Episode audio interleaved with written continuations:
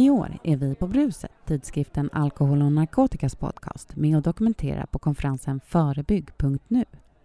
Vi är i Folkets hus i Göteborg mellan den 13 och 14 november. Konferensen Förebygg hålls vartannat år och brukar samla 600-700 deltagare. Personer som på något sätt arbetar lokalt, regionalt eller nationellt med drogförebyggande arbete. Vi kommer träffa personer som är här och håller presentationer kring några av de frågor som lyfts under konferensen.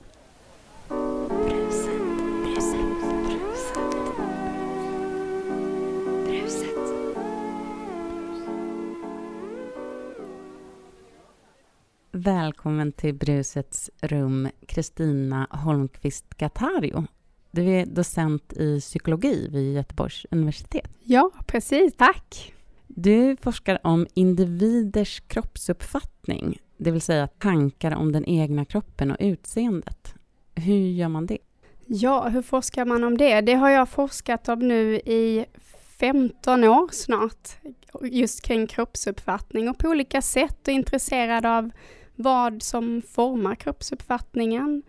Eh, hur kan man få en positiv kroppsuppfattning har jag varit särskilt intresserad av och olika, vad det kan få för olika konsekvenser också att ha en negativ kroppsuppfattning.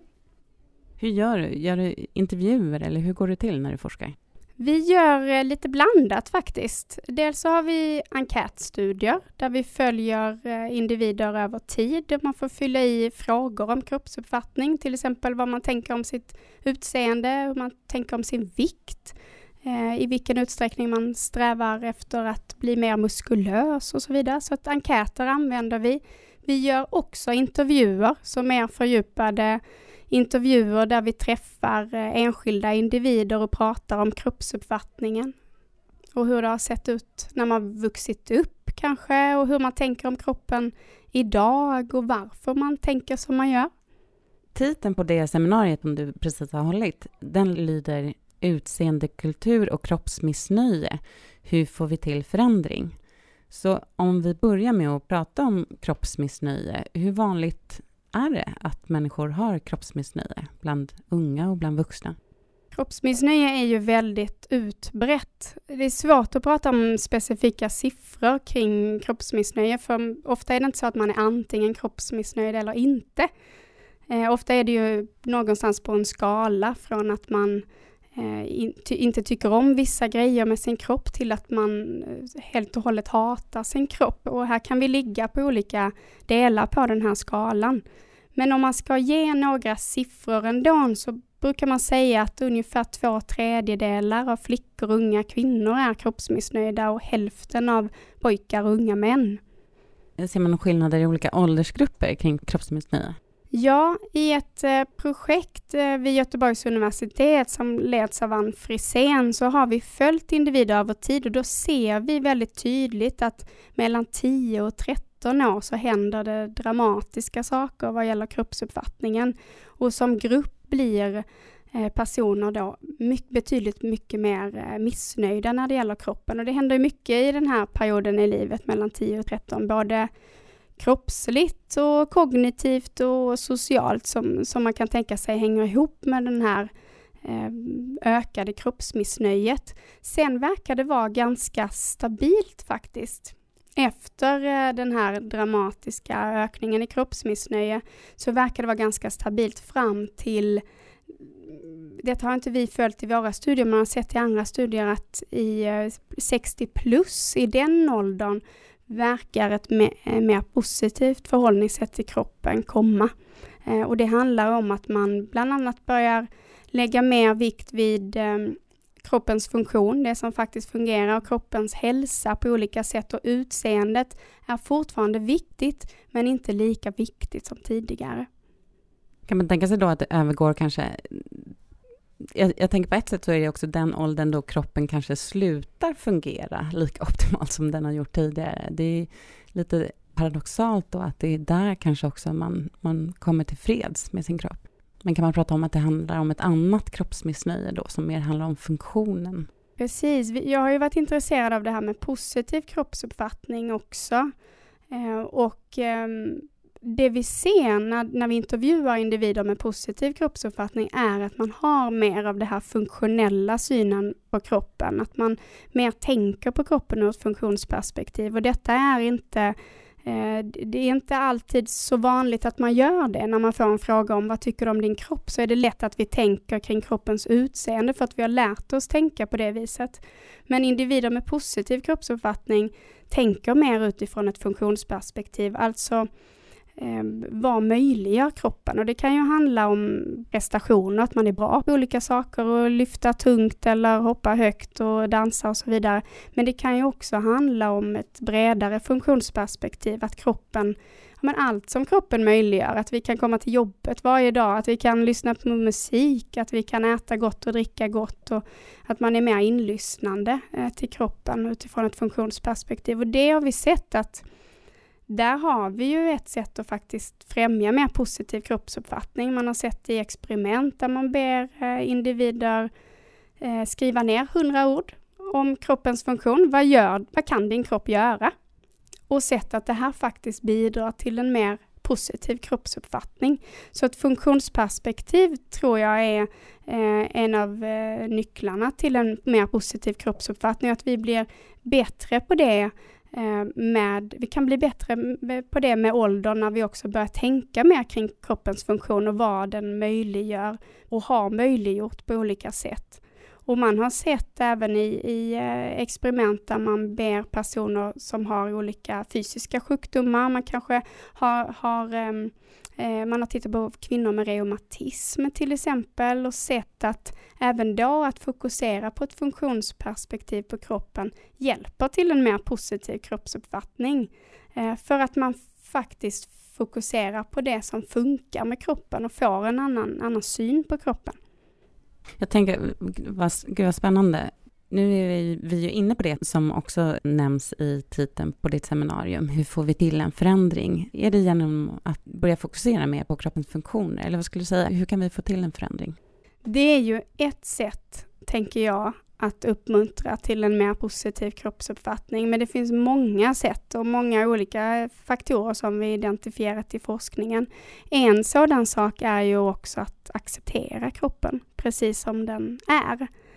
Eh, vi är väldigt många som, som lever i en sorts väntan på en annan kropp. Att det är när vi har den där, om vi gått ner de där kilorna eller när vi har eh, Ehm, ja, men, eh, tränat hela vintern. Det är då vi ska eh, gå till badstranden eller det är då vi ska gifta oss. Så vi, vi lever i en sorts väntan på att kroppen ska förändras och det är då vi ska börja leva livet fullt ut som vi verkligen vill.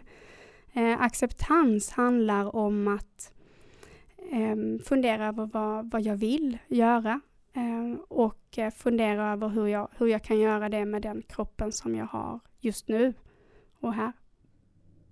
Jag tänkte också på det här, det som du pratade om med de här med eh, studien kring kvinnor med reumatism. Eh, när man har börjat fokusera på de funktioner, det som kroppen klarar av.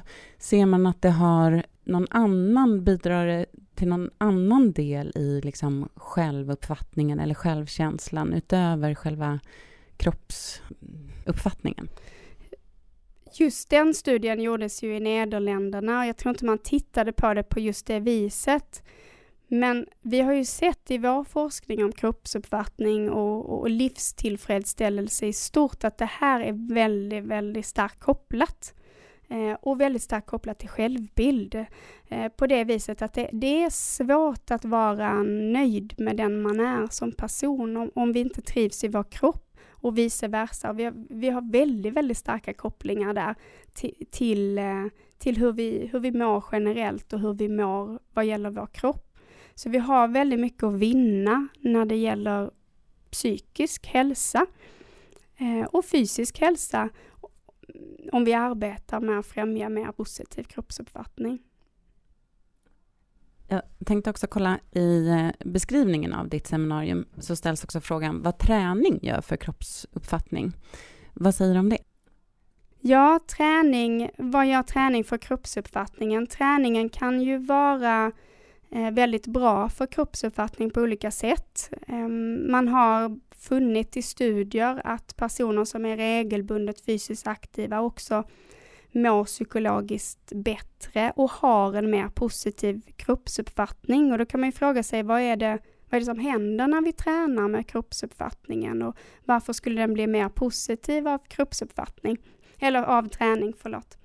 Eh, och då, eh, en, en möjlig förklaring skulle ju vara att kroppen förändras när vi tränar till, eh, till att likna mer av ett ideal och det tror jag är en, inte för, den stora förklaringen eller inte en viktig del i, eh, i, i detta. För att man har också sett i experiment att flickor som får göra träna aerobic exercise en gång i veckan i sex veckor får en mer positiv kroppsuppfattning. Och det handlar inte om att kroppen förändras utan det verkar handla mer om att man, man känner sig starkare, man mår bättre, man är i en social kontext där man trivs.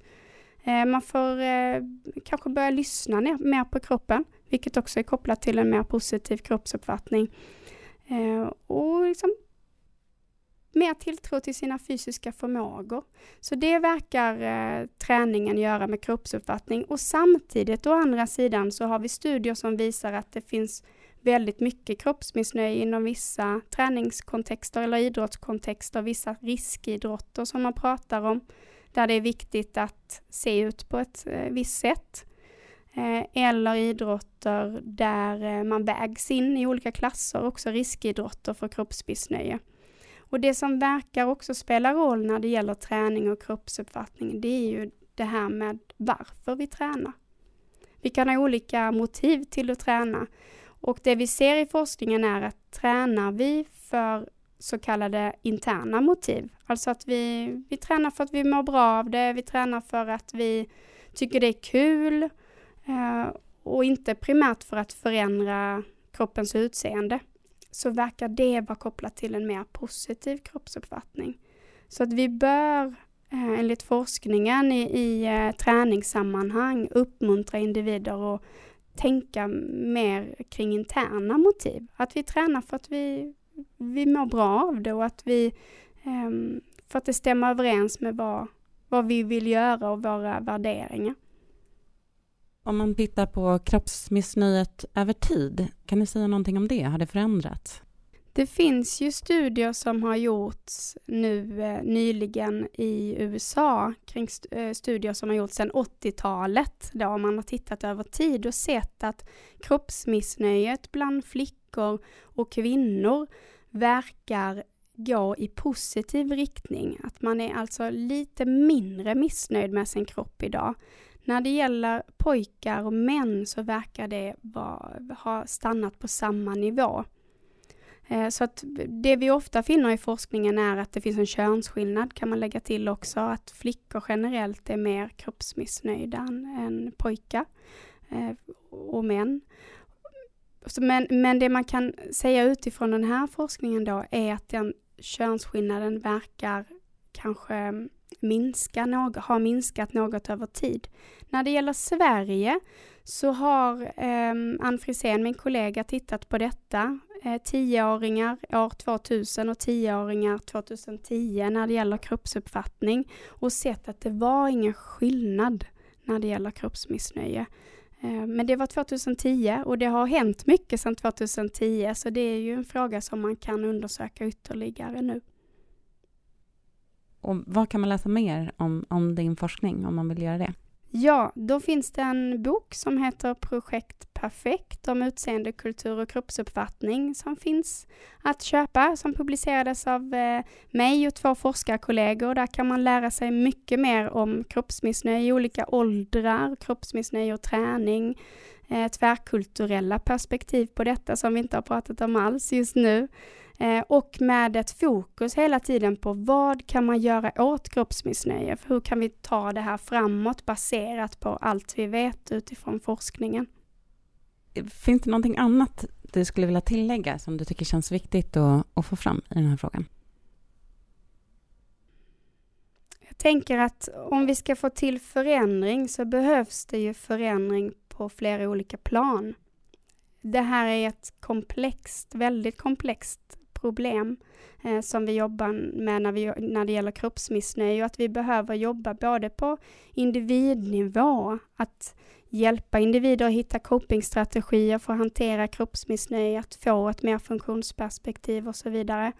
Men vi behöver också tänka kring kontextuella faktorer. Vem, vem är det som är i närheten av de här individerna? Hur kan vi som familj till en kroppsmissnöjd individ eller vi som är anhöriga eller vi som arbetar med personer på, som olika, på olika sätt är kroppsmissnöjda. Hur kan vi arbeta med det? Hur kan vi vara förebilder?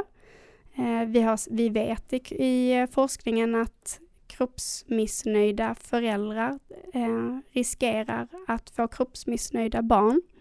Eh, så det är en riskfaktor och kroppsmissnöje verkar på det viset eh, gå i arv, någonting som man lär, lär in i sin sociala miljö.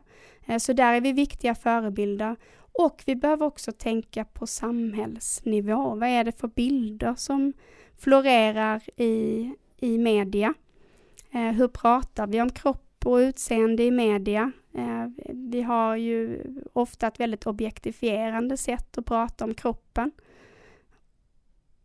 Och vi behöver arbeta på olika sätt med trakasserier också. Trakasserier och stigma kring övervikt, tänker jag också.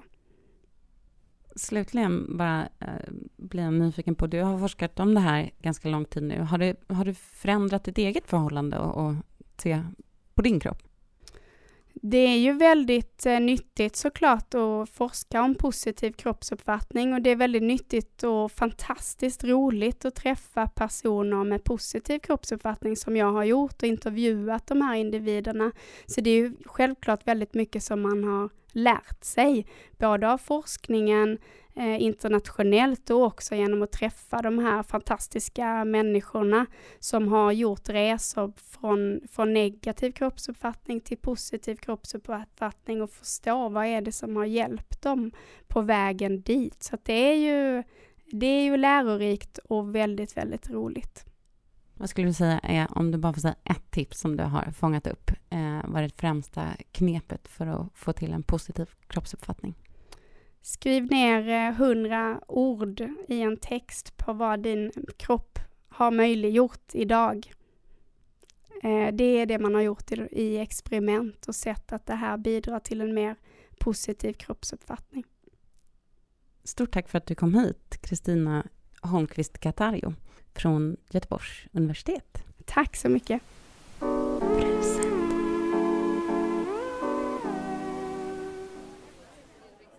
Jag som producerar avsnitten av Bruset på förebygg heter Clara Henriksson. Till min hjälp har jag haft Anna Fredriksson, alkohol och narkotikas vikarierande chefredaktör. Mer dokumentation från Förebygg finns i form av webbsändningar och artiklar i konferenstidningen.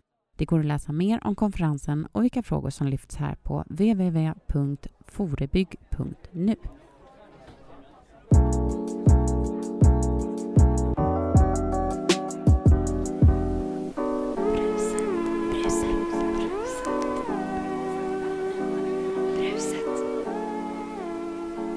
Bruset.